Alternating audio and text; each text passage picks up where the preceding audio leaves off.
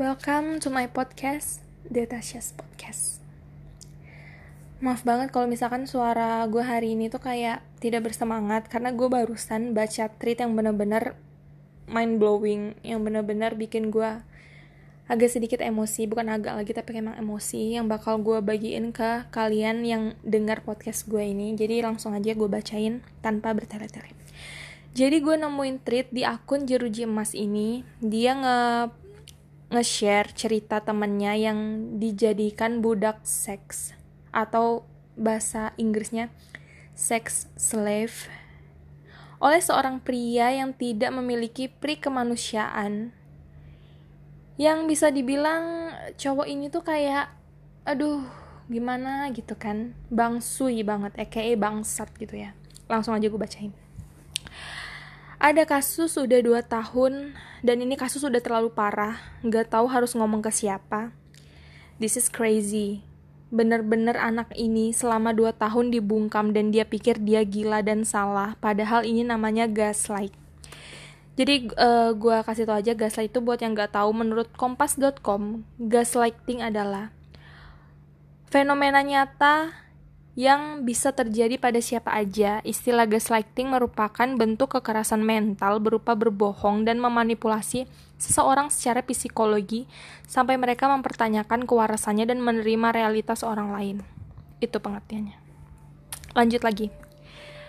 Dia baru cerita selama ini semuanya sekarang Kenapa? Karena dia takut dia baru tahu ada feminis yang memperjuangkan ini. Hashtag menolak dibungkam aku sampai harus memberikan dia video-video woman's march untuk kasih tahu bahwa ada orang-orang memperjuangkan hak ini. Inti ceritanya dia jadi sex slave selama 2 tahun. Dia nggak ngerti konsep konsen Just because you said yes once doesn't mean it's always gonna be a yes. Cowoknya abuse dia, gak mau pakai kondom si cowoknya, gak boleh pakai pil, maunya keluar di dalam, hamil, ya jelaslah hamil. Dia empat kali hamil, empat kali juga dipaksa minum misoprostol. Jadi misoprostol ini dia semacam obat. Mungkin uh, obat ini tuh kayak berfungsi untuk menggugurkan janin atau menggugurkan kandungan gitu ya. Ini semua tuh ada buktinya. Temanku ini sebut saja R. Percaya kata cowok tersebut sebut saja NC. Bahwa itu nggak apa-apa dan nggak bahaya, padahal pendarahan. Bahkan ketika R ke dokter dan dokter bilang itu bahaya, NC tetap memaksa untuk minum. Memaksa R untuk minum. Kalau kalian mempertanyakan kenapa nggak pakai proteksi, NC nggak suka pakai kondom, katanya nggak enak. KB atau morning after pill? NC bilang dia nggak mau. Kata si NC, I cannot stand you being hormonal. Dalam kurung, efek sampingnya memang berkaitan dengan hormon. Terus kenapa si NC ejakulasi di dalam? Si NC ini bilang dia punya fantasi, fetis, I will explain later. Selama ini keluarga cewek nggak tahu kenapa si NC pakai ancaman. Kalau sampai ada yang tahu, NC akan meninggalkan perempuan ini. Ini sedikit dari semua pembicaraan mereka yang memuakan. Jadi si akun at Mas ini dia ada ngepost screenshot percakapan NC dan R. Gue akan bacain. Jadi si NC bilang, Intinya kalau ini masalah jadi besar, aku nggak bisa dan aku nggak mau sama kamu. Masalah ini besar ke keluarga kamu dan ke keluarga aku, kata si NC. Lalu si R bilang, aku nggak ngerti maksud kamu apa sih. Ya udahlah, what the fuck do you want, kata si R. Ini kondisinya si R ini hamil 6 sampai 7 minggu, pendarahan hebat karena minum 14 butir misoprostol dan R udah ke dokter. Kata dokter bayi masih sehat dan R mau memberitahu ke KKR namun ini reaksi NC. Jadi lagi-lagi jadi emas dia ngepost screenshot percakapan R dan NC. Jadi si NC ini bilang, aku bakal bantu apa yang aku bisa, tapi aku lepas tangan, kata si NC. Lalu uh, si R bilang, kasih tahu kakak aku, bales dia jangan kacangin. Lalu si NC bilang, kalau aku kasih tahu dia, dia pasti bakal kasih tahu mama papa kamu. Lalu si R bilang, kenapa kamu lepas tangan? Jadi mau kamu apa? Kamu mikirnya pakai apa sih? Pantat, kata si R ini. Lalu si NC bilang, aku benar-benar gak mau ngurusin itu. Lalu si NC bilang, what the fuck do you want? Katanya gitu. Lalu R cerita ke Ed Jerujimas. By the way, Ed Jerujimas ini temannya R. Bahwa selama ini NC itu suka minta buat sex tape. Jadi sex tape itu uh, berhubungan seks tapi direkam. Dan rekamannya itu mungkin buat kepuasan diri dia sendiri. Mungkin aku juga nggak tahu. Mungkin. Entah untuk apa sih si NC minta buat sex tape. Buat kalian yang mikir ah paling si R juga mau. Enggak si R tuh nggak mau. Jadi si R bilang ke Jeruji Mas bahwa si NC itu ngancem banyak banget dan si NC nyuruh si R pakai misoprostol. Lalu si si Jeruji Mas ini nanya dia ancam apa aja jangan bilang ancam bakal nyebarin rekaman-rekaman atau jejak-jejak seks mereka yang udah direkam sama si NC. Lalu si R bilang dia bakal ninggalin aku, jadi aku minum obatnya. Obat misoprostol itu si R minum dengan berat hati dan si R mengalami pendarahan terus-terusan. Tapi tebak coba janin itu enggak keluar setelah dia minum misoprostol. Lalu si R pergi ke rumah sakit. Dan dokter bilang bahwa janinnya masih ada dan masih sehat. Sama dengan berarti janinnya masih berkembang dong kan di dalam perut si R ini. Lalu si R ini akhirnya memutuskan untuk uh, nge-WA mamanya si NC dan ngasih tahu semua kelakuan si NC selama ini termasuk menyuruh R untuk minum obat penggugur kandungan dan membongkar semua kelakuan si NC ke mamahnya. Jadi si at Mas ini dia ada ngepost postingan uh, atau screenshot WhatsApp chat antara si R dan mamanya NC. Oke, gue bakal bacain. Jadi si R ini dia nge-WA mamanya NC yang isinya saya kembali ke dokter pada hari Rabu kemarin untuk melihat kondisi perkembangan kandungan, dan meskipun saya telah mengkonsumsi pilnya, bayinya masih berkembang dan sudah ada detak jantung. Di malam itu juga, NC meminta saya untuk mengkonsumsi pilnya lagi, mengetahui bahwa hal itu memiliki resiko yang membahayakan bagi diri saya yaitu saya tidak dapat hamil lagi dan saya dapat meninggal, tapi saya tetap mengkonsumsi misoprostol. Sekarang kondisi badan saya masih sakit dan masih keluar banyak darah. Dokternya menyarankan saya buat rawat inap, tapi saya tidak mengikuti saran dokter karena NC tidak ingin terbongkar rahasia ini kepada tante dan keluarga saya. Dokter juga memberikan saya obat agar kondisi tubuh saya stabil. Tetapi NC juga meminta saya untuk tidak mengkonsumsi obat dokter dengan alasan bahwa ia menginginkan misoprostol untuk bekerja maksimal menggugurkan kandungan. Sedangkan peran obat dari dokter itu untuk meredakan efek beresiko tinggi dari misoprostol tersebut. Dikarenakan keteledoran saya dan NC yang berakhir dengan saya hamil, setelah lewat lima minggu saya mengetahui saya hamil, rencana awal saya dan NC adalah untuk mengkonsumsi pil misoprostol dengan usaha menggugurkan.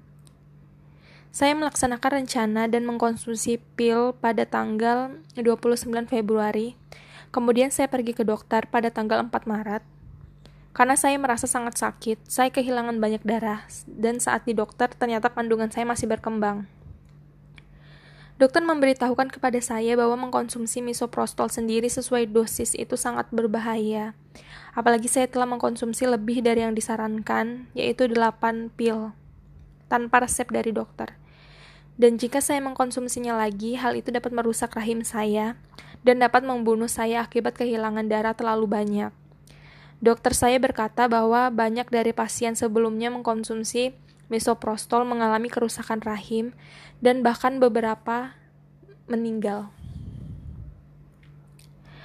Tapi sialnya waktu itu mamanya si NC ini nggak jauh beda sama anak sama anaknya. Mamanya si NC bawa R ke klinik kandungan, aka itu klinik aborsi di daerah Salemba dan akhirnya si R nangis ke dokternya bilang itu bukan mama saya dan saya nggak mau janin ini dikeluarkan. Untung dokternya baik dan akhirnya nggak jadi. Lalu apa yang terjadi selanjutnya? Si R bilang kalau si NC bilang ke R bahwa dia mau si R sembuh. Tapi itu semua tuh cuman mulutnya si NC doang Si R nggak pernah bilang mau ngegugurin kandungan. Si R nggak pernah bilang dia mau keluarin itu janin. Si R bilang sama mamanya tadi. Kecuali janin itu nggak berkembang, baru si R mau ngegugurin itu janin. Cuman tanpa basa-basi, mamanya NC langsung bawa R ke klinik aborsi tanpa kasih tahu R terlebih dahulu Mamanya Ence langsung bayar. Mamanya Ence pikir si R ini bodoh. Dan mamanya pikir si R ini nggak tahu. Pas uh, si R ini nanya lagi ke mamanya Ence, mamanya Ence cuman peluk R dan bilang, kamu sayang kan sama Ence? Dan hal-hal lainnya yang gak masuk akal tapi intinya mengarahkan ke arah janin itu harus dikeluarin saat itu juga. Tapi R nggak mau. By the way HP si R ini dipegang sama mamanya NC selama si R berada di ruangan. Dan mamanya sangat memperhatikan gerak-gerik si R. Banyak hal-hal baik yang mamanya NC omongin tapi si R ini tahu itu semua tuh nggak benar makanya si R ini dia kecewa dia sedih banget tapi mamanya si NC ini ngeyakinin si R dengan alasan takut bayi itu lahirnya cacat. Soalnya mamanya NC ini dia nggak bisa ngejamin kalau bayi itu tuh bakalan gak cacat gitu. Lihat betapa jahatnya mamanya si NC bilang itu ke R. Tapi si R itu takut banget kasih tahu keluarganya.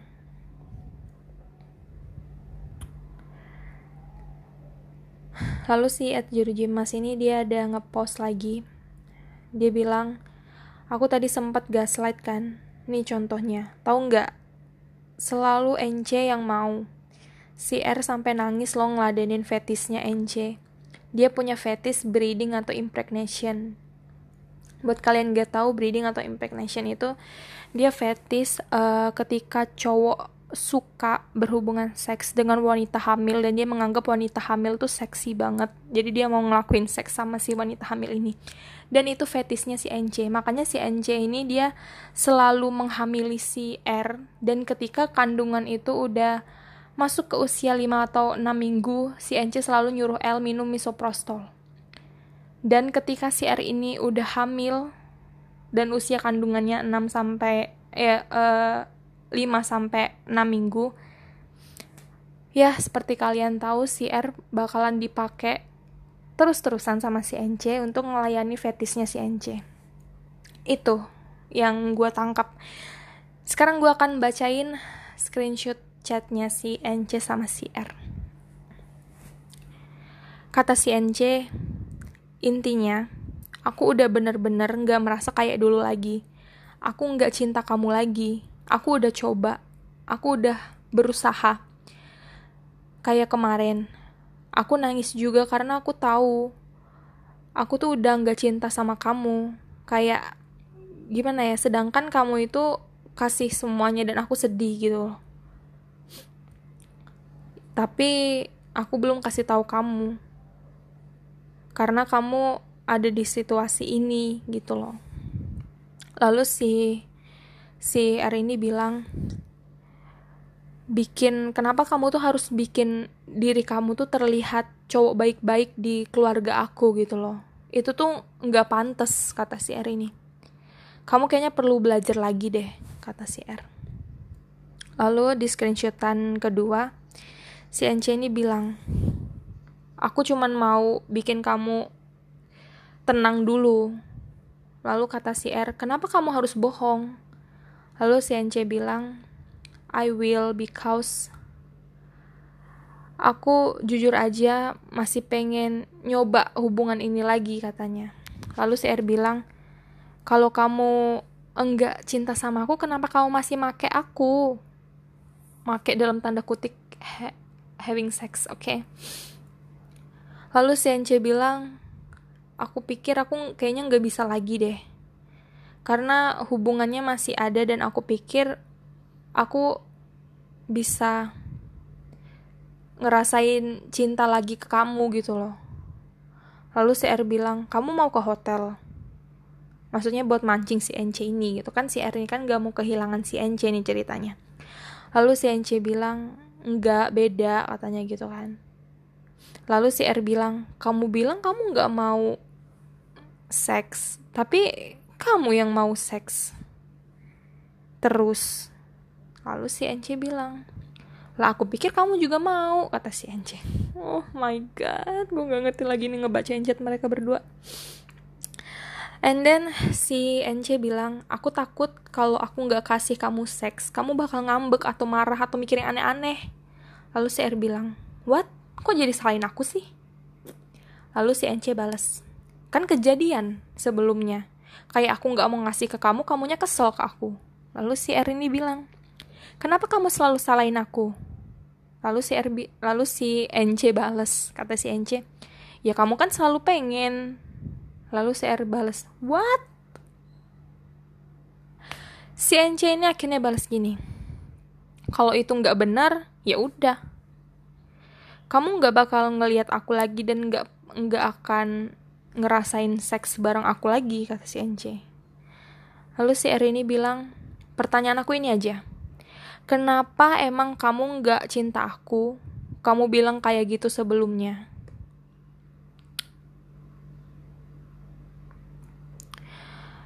Dan si NC tuh bikin seakan-akan si R itu yang mau seks, padahal enggak. NC yang selalu horny, dan itu semua ada bukti, demi apa pun ini tuh gaslighting. Dua tahun R merasa bersalah dan mikir apakah memang dia yang mau. Padahal bagi gue ya, dari cara mereka kenal emang NC udah predator seks banget gitu. Soal sex tape, pernah sekali ada yang kesebar video seks mereka pernah kesebar by the way. Memang yang kesebar nggak lagi intercourse, tapi cukup parah dan akhirnya si R ini drop out, tapi si NC ini masih kuliah seperti biasa.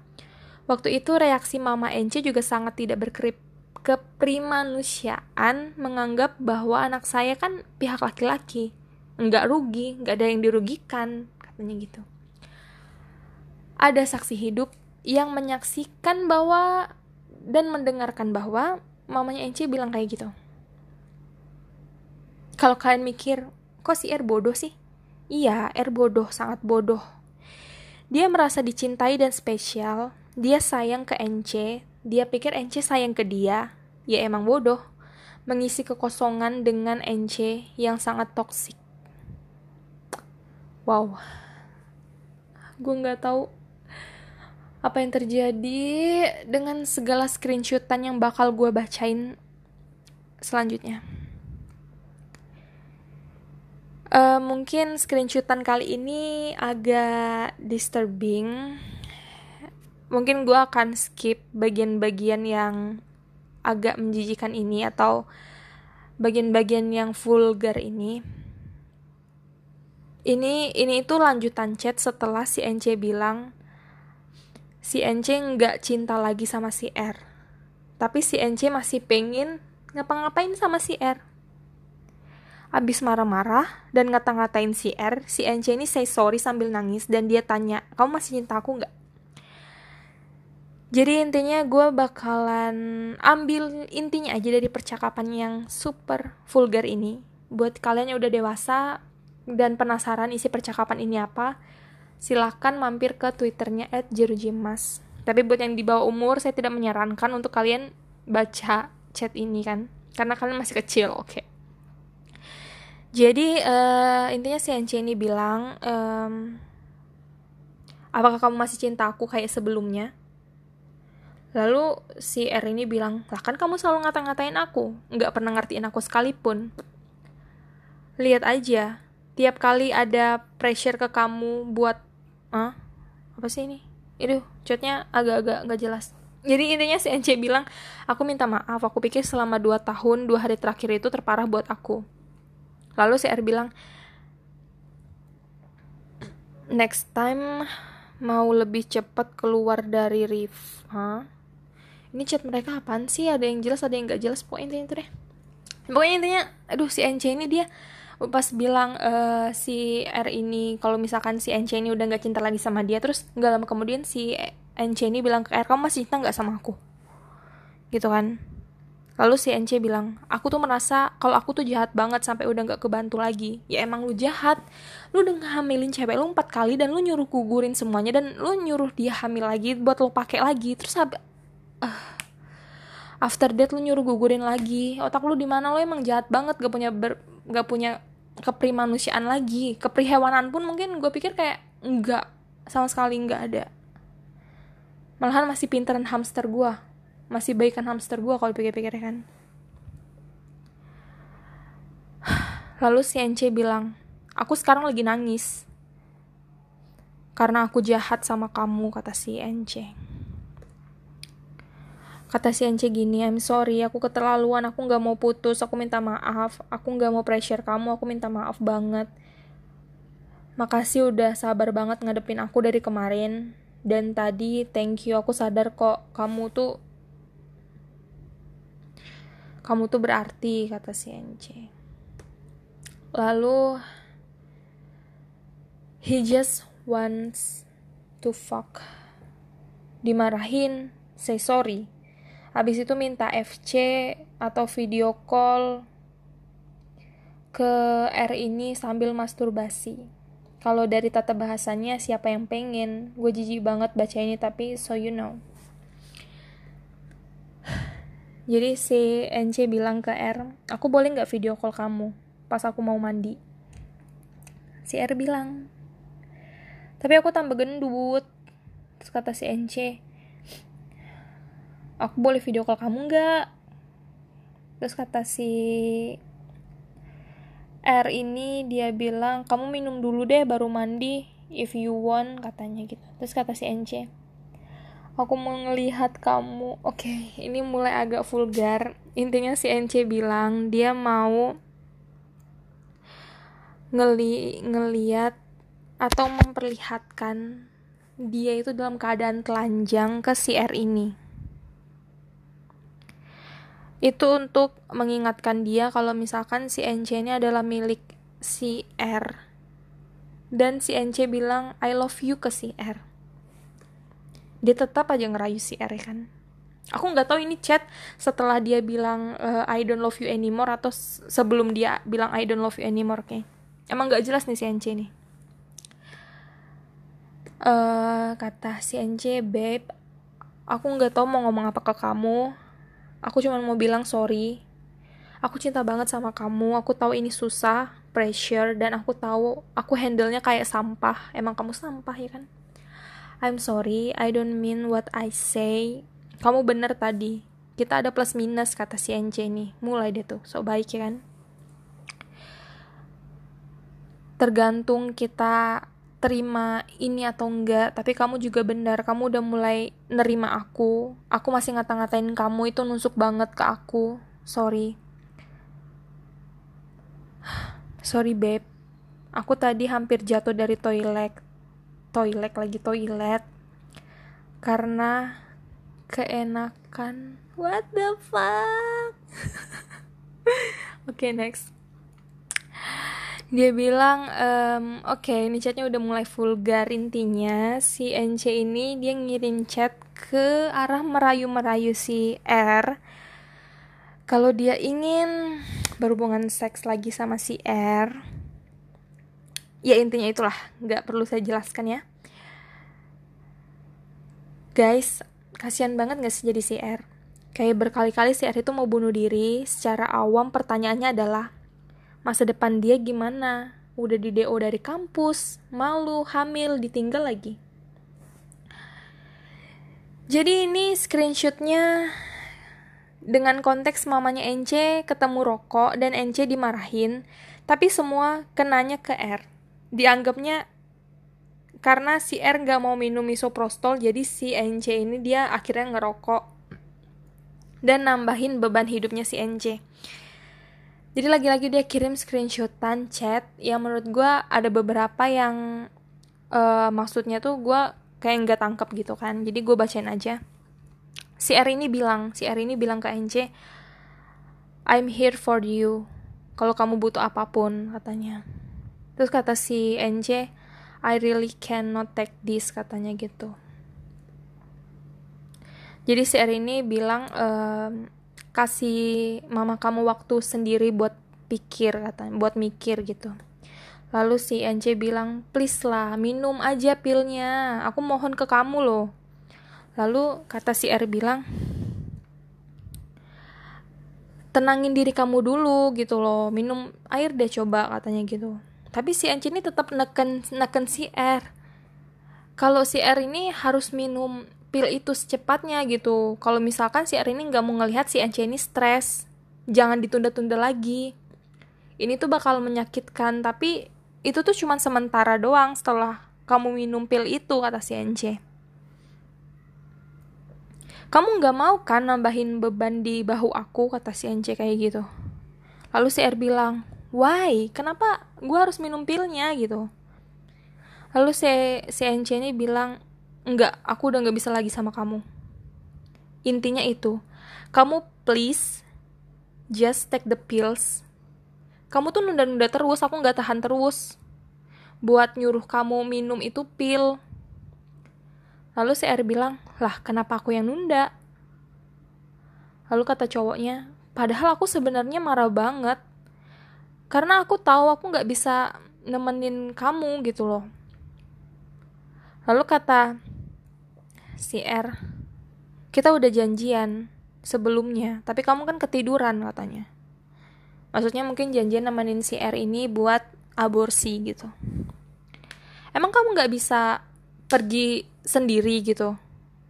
Kalau kamu pergi sendiri kan kamu banyak alasan deh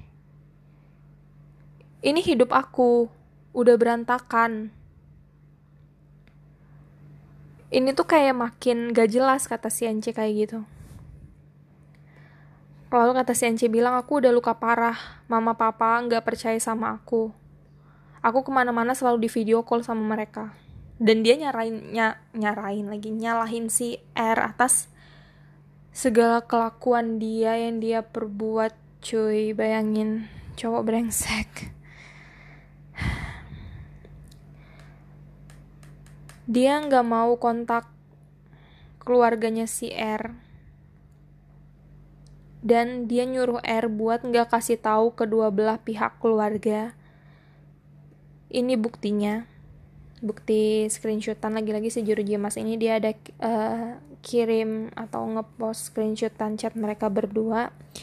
Ini tuh chat uh, kejadiannya di mana sebelum R itu ketemu sama mamanya NC di klinik aborsi yang ternyata malah mamanya NC yang nganterin si R buat ngabur si oke dengan berat hati saya harus membacakan chat ini lagi agar semuanya jelas. That's why kata si NC sekali kamu kontak dia itu tuh bakal bikin aku makin ribet katanya gitu. Kakak-kakak kamu kontak aku itu juga bikin aku ribet keluarga kamu kontak aku itu tuh juga bikin aku ribet kata si NC aku nggak maksud buat ngeblame kamu kata si R lalu si NC bilang kamu ngerti nggak sih Kamu ngechat mama aku tuh jam 4 pagi. Apa yang kamu pikirin waktu itu? Kata si NC. Lalu um, si R bilang, tapi apakah kamu pernah sadar bagaimana cara kamu memperlakukan aku selama ini? Lalu NC bilang gini, kamu pernah gak sih pakai kepala kamu atau hati kamu buat mikir? Maksud gue kayak, harusnya itu tuh pertanyaan yang lo utarain buat diri lo sendiri. Jangan malah lo utarain balik ke cewek lo yang nggak tahu apa-apa yang selama ini udah cukup nurutin lo buat jadi budak seks gitu lo apalagi yang lo pengen dia lo mau dia mati lo mau dia meninggal sampai semuanya udah selesai terus lo cari korban baru gitu lo tuh cowok macam apa sih? Gitu lo nih ya gue berharap gue sangat-sangat berharap nggak ada lagi cewek di dunia mana pun yang ketemu cowok yang sejenis si NC ini. Brengseknya udah keterlaluan. Gue kayak nggak ngerti lagi nih cowok ke masa depannya kayak gimana. Oke okay, even masa dia masa depan dia cerah cuman apakah dia bakal nemuin cewek yang bisa menyadarkan dia gitu? Kalau selama ini kelakuan dia tuh salah. Ini tuh bukan drama Korea yang oh dia ketemu cewek ini baik terus dia langsung berubah. Enggak. Dia udah berhubungan sama si R ini by the way 2 tahun dan dia nggak sadar. Mungkin oke. Okay. mungkin si R ini dia kayak oke okay, gue cinta sama lu gue bucin sama lu gue bakalan ngasih apa pun yang gue punya ke lo gue bakalan nurutin apa yang lo mau. Mungkin si hari ini mikir gitu waktu itu. Lalu si NC bilang ke si R bahwa masalah masalah kita ya masalah kita. Kenapa kamu harus bawa ke keluarga orang lain? Sedangkan kita aja belum beres belum fix. Kita selesain ini tuh sendiri aja. Ngapain kamu bawa ke orang lain? Ke orang tua kamu? Ke kakak-kakak kamu? Gitu kan. Lalu CR bilang kenapa kamu tuh nggak ngerti kenapa kamu tuh nggak ngertiin ini gitu loh kita itu ada di sebuah hubungan loh kata si R kayak gini kan lalu si NC balas kalau nggak bisa handle sendiri kita putus kata si e, kata si NC Lalu kata si R gini, selama ini, sorry to say, kamu itu udah kekanak-kanakan banget. Di saat aku bener-bener butuh kamu. Lalu si NC bilang gini, enggak, kamu tuh nggak ngerti. Enggak ngerti hubungan yang bener tuh bekerja tuh kayak gimana, kamu tuh nggak ngerti. Kayak kalau misalkan aku nggak memperlakukan kamu dengan benar, ya kamu kasih tahu ke aku. Kamu minta putus sama aku kan bisa, gitu loh kata si R, eh kata si NC bilang kayak gini. Lalu si R gini, lalu si R bilang gini, selama dua tahun aku udah hamil loh. Lalu kata si NC kayak gini, kamu nggak usah sampai orang tua kamu tahu ya kamu pikir mamaku bakalan nolong kamu, kata si NJ. Lalu si R bilang, kata si R gini, aku nggak mau, aku nggak mau dia, eh aku nggak, apa sih? Oh, maksudnya, maksudnya si R gini, aku nggak peduli kalau misalkan dia nggak suka sama aku. Aku nggak nanya ke dia untuk atau aku nggak minta tolong dia untuk menjaga rahasia ini. Tapi janji yang aku inget dari orang tua, kamu ke aku, mereka bakal bantu aku, mereka bakal nganterin aku ke dokter, kata si R ini. Tapi ujung-ujungnya mamanya ya emang nganterin dia ke dokter, tapi bukan dokter kandungan yang benar, melainkan dokter buat ngegugurin kandungan, Bambang. Ngerti gak sih? Lalu si NC ini chatnya dibalas sama si R. Kata si R gini kalau kamu mau putus ya udah ngapain memperpanjang masalah kalau kamu butuh seseorang buat ngomong ya udah ngomong baik-baik lalu si NC bilang oke okay, I'm sorry kata si NC bilang gitu lalu dibalas sama si R Kenapa kamu harus nyerang aku? Lalu si NC bilang, aku gak mau memperpanjang masalah. Aku minta maaf. kalau kamu mau minum pil itu sekarang atau ntar malam. Dan setelah itu kan kamu bisa mutusin aku. Kata si NC bilang gini. Makasih ya udah sabar banget, kata si NC. Lalu si R bilang gini. Aku bahkan cuman ngomong dikit tentang diriku. Dan kamu langsung nyerang aku, sengaja nyakitin aku, kata si, kata si R gini. Lalu si NC bilang, aku minta maaf. Ya udah ya, minum aja lah pilnya habis itu putus kata si NC bilang gini lalu si NC bilang aku tahu itu tuh bukan hal yang gampang buat kamu untuk ngedapetin cowok yang bener-bener bisa mencintai kamu dan memperlakukan kamu lebih baik di masa depan. Dan aku berharap kamu bisa um, menjalani hari-hari yang terbaik di masa depan nanti kata si Anji gitu. Makasih ya udah jadi pengalaman yang liar dia bilang it's been quiet a while two years with you. Makasih ya udah kayak nemenin aku dua tahun ini kata dia kayak gitu kan. Makasih juga udah menjalani pengalaman-pengalaman dan cinta selama ini kata dia kayak gitu lalu kata si R R cuman bilang sama-sama dengan emoticon senyum. Lalu si NC bilang makasih ya untuk semua hadiahnya and the effort. Lalu si R bilang kamu gak perlu say thank you ke aku katanya kayak gitu. Aku ngerasa aku cuman buat hidup kamu berantakan untuk apa kamu say thank you. Aku bakalan putus sama kamu tapi aku pikir aku bakal mempertahankan bayi ini. Lalu kata si NC jangan. Kamu nggak boleh pertahanin bayi itu. Aku bilang enggak ya enggak katanya gitu. Lalu si R ini bilang, tenang, jangan khawatir, keluargaku gak bakal tahu kok, yang tahu cuman kamu doang.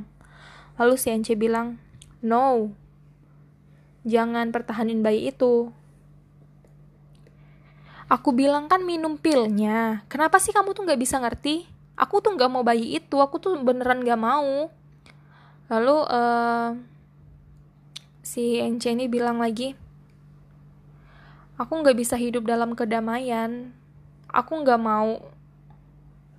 Aku tuh belum siap kata dia gitu kan. Ini tuh nggak nggak terencana gitu aku nggak mau.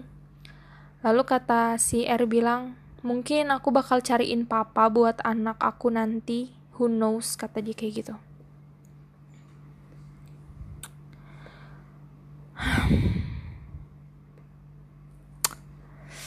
gila ya. Gak sanggup gue bacain lagi. Lalu si Ence ini uh, ngechat si R lagi kalau misalkan dia bilang can you stop? Take the pills. Lalu si R bilang no. Lalu si NC bilang kamu tuh bikin aku stres kamu tuh bikin aku gila gitu loh.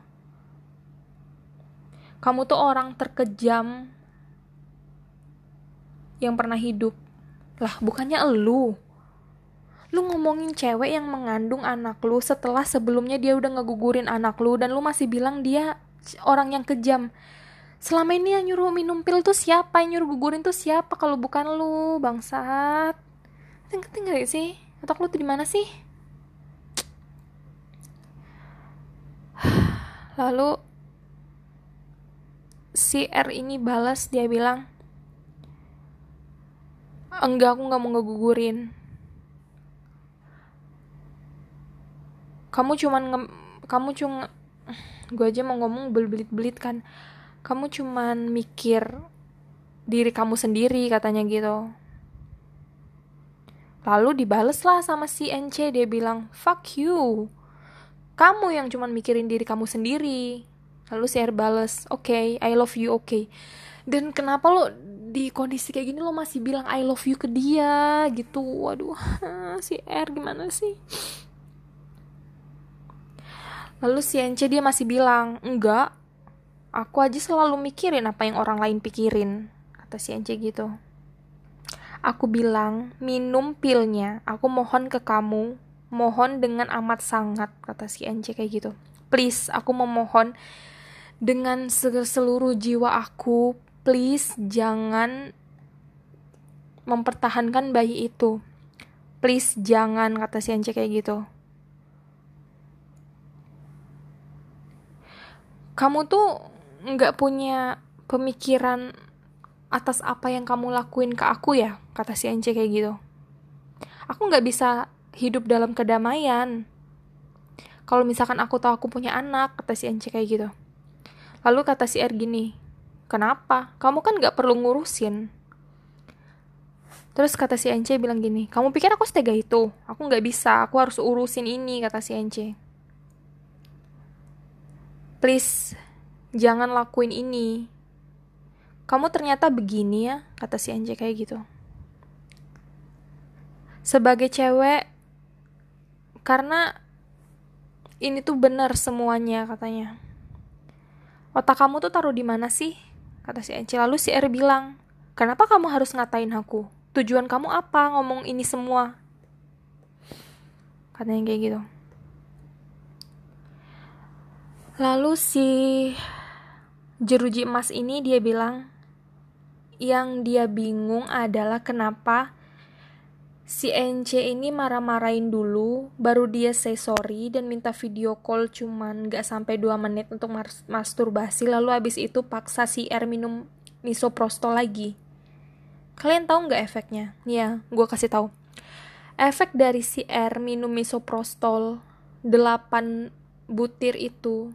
Yang pertama si R itu mengalami pendarahan hebat yang kedua si R ini kesakitan banget yang ketiga si R ini dia mengalami pusing meriang dan si R ini lemas serta sakit perut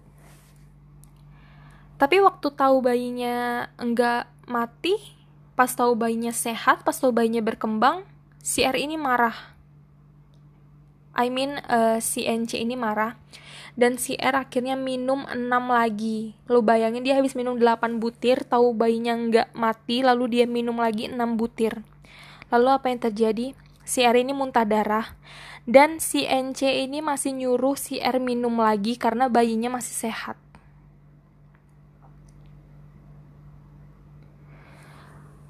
Dan buat yang nggak tahu fetis ini, seperti yang gue jelasin tadi, orang yang berhubungan seks sama orang hamil itu menganggap itu tuh hot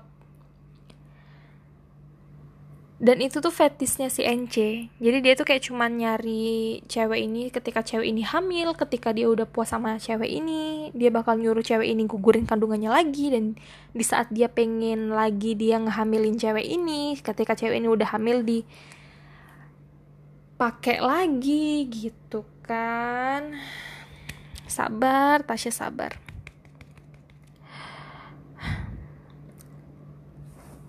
ini tuh siklusnya selalu sama.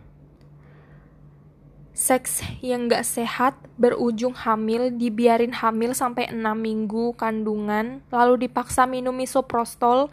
Selama 6 minggu ngapain? Coba, selama 6 minggu itu, si NC itu seks sama si R dan ngeluarin itu apa itu sperma dia tanpa memakai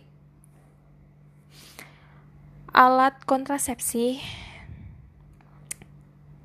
ini tuh udah seksual abuse gak sih? Seksual abuse aja gak cukup, emotional abuse juga gak cukup, physical abuse juga. Dan si NC ini pernah nampar PPCR sangat kenceng lalu pergi.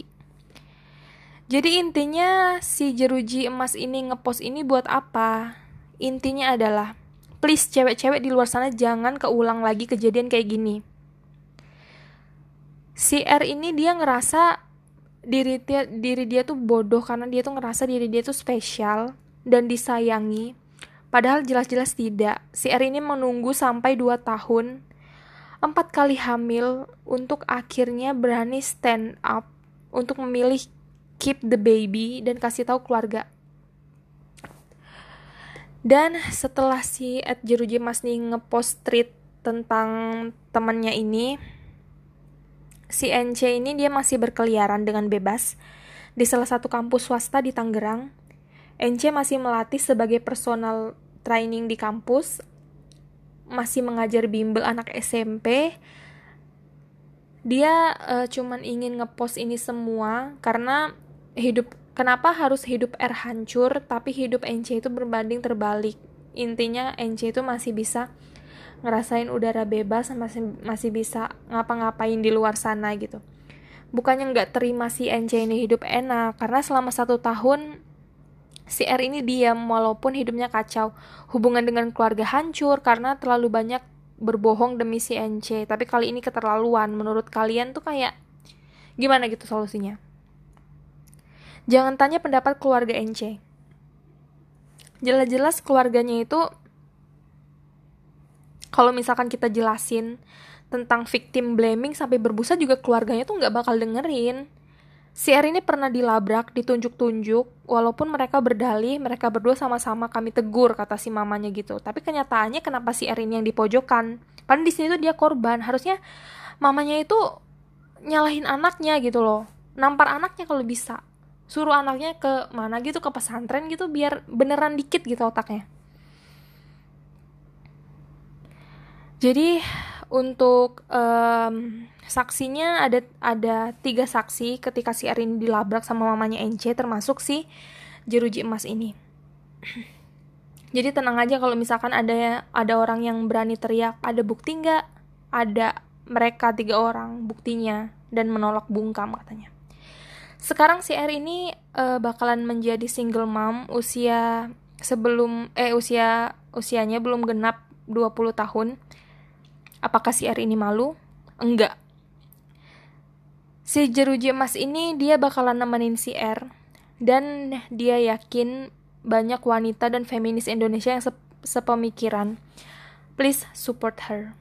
Uh, untuk gue pribadi gue berharap uh, si R ini yang umurnya lebih muda dari gue kayaknya uh, buat dia tuh untuk ke depannya menjalani hidupnya lebih baik lagi dan membesarkan anaknya dengan benar-benar agar uh, kejadian ini tuh juga nggak berulang ya buat siapa pun yang ngebaca tweet ini gitu. Dan gue juga berharap semoga uh, bayi yang dikandung R itu sehat, lahir dengan sehat tanpa ada cacat sedikit pun. Karena kan sebelumnya dia uh, pas mengandung bayi itu dia udah minum total 14 butir misoprostol. Gue berharapnya bayinya nggak kenapa-napa, bayinya sehat uh, gue berharap ketika dia melahirkan um, dan ketika bayinya lahir Tuhan selalu menyertai dia Tuhan selalu melindungi dia dalam keadaan apa pun juga Tuhan uh, semoga membukakan hati dan pikiran si NC dan mamahnya agar untuk ke depannya si NC ini tidak mencari korban baru atau tidak menyakiti hati wanita lain, mempermainkan wanita lain hanya untuk memuaskan fetis dia aja. Gue berharap dengan amat sangat biarlah Tuhan yang balas semua perbuatan si NCKR ini tapi gue harap semoga si R ini bisa menjalani kehidupannya lebih baik lagi dan dia tuh bisa menjadi wanita yang kuat wanita yang hebat untuk membesarkan anaknya. Dan gue juga berharap semoga keluarga R ini uh, bersedia mensupport dan teman-teman si R ini juga bersedia mensupport R. Apa pun yang terjadi semoga buat R. Aku tahu kamu wanita hebat aku tahu kamu harus semangat terus menjalani hidup kamu move on dari cowok brengsek itu. Aku tahu pasti ini tuh mungkin bukan hal yang gampang buat kamu move on karena kamu kayak udah cinta banget ke dia mungkin sampai kamu rela ngasih semuanya ke dia. Tapi aku percaya um, kamu harus doa terus apa pun yang terjadi supaya Tuhan itu selalu melindungi kamu ngangkat derajat kamu kalau kamu kemarin dijatuh-jatuhin, mungkin di masa depan Tuhan itu punya rencana yang lebih indah buat kamu. Semoga apa pun yang udah Ence lakuin sama keluarganya Ence lakuin ke kamu, semoga itu semuanya um, mungkin bakalan tobat kali ya mereka. Dan untuk uh, gimana ke depannya aku nggak mau menyumpah serapahi keluarga mereka. Aku tahu Tuhan itu punya uh, sesuatu yang adil di mana kamu akan mendapatkan kebahagiaan, mendapatkan keadilan dan kehidupan lebih baik lagi. Dan semoga keluarga mereka yaitu urusan Tuhan lah. Tuhan mau ngapain gitu. Yakinlah Tuhan tuh maha adil. Kamu sekarang tersakiti kamu sekarang uh, di playing victim mungkin sama keluarga mereka tapi ya Tuhan pasti punya rencana yang lebih bagus untuk hidup kamu ke depannya. Jadi untuk R aku harap kamu menjadi ibu yang sangat hebat di kemudian hari buat anak kamu nanti. Kalau anak kamu cowok um, aku berharap sih kamu ngajarin dia menjadi lelaki yang bertanggung jawab menjadi lelaki yang tidak gampang menginjak-injak perempuan seperti ayah biologisnya. Dan jika anak kamu cewek aku berharap kamu suatu saat ngejaga dia banget. Semoga hal yang kamu alami saat ini tidak dialami oleh seluruh wanita di dunia. Aku berharapnya kayak gitu meskipun ya aku nggak bisa jamin mungkin bakalan ada satu atau dua orang. Cuman aku nggak mau masalah ini tuh bakalan kejadian tuh meluas ke seluruh cewek yang ada di dunia. Jadi ya terima kasih udah mendengarkan cerita ini. Mungkin kalian dengerinya mungkin rada-rada gimana gitu kayak aku gitu kan. Gue aja kayak baca bacanya itu kayak berusaha baca pelan-pelan supaya kalian ngerti gitu kan. Tapi ya mohon maaf kalau misalkan ada satu kalimat atau beberapa kalimat yang tidak kalian mengerti tapi gue harap kalian mengerti inti keseluruhan dari treat at Jeruji Mas ini. Buat kalian yang penasaran uh, gimana chat vulgarnya itu buat yang 18 ke atas by the way kalian bisa kunjungin akun twitternya at Jeruji Emas dan kalian bisa baca semuanya karena mungkin ada beberapa kata-kata um, yang gue lewatin karena terlalu vulgar. Kalau misalkan kalian membaca lengkapnya silahkan ke akun itu sendiri. Jadi thank you. Ini udah hampir satu jam gue ngomong. Thank you banget udah dengerin ini. God bless you all. Bye bye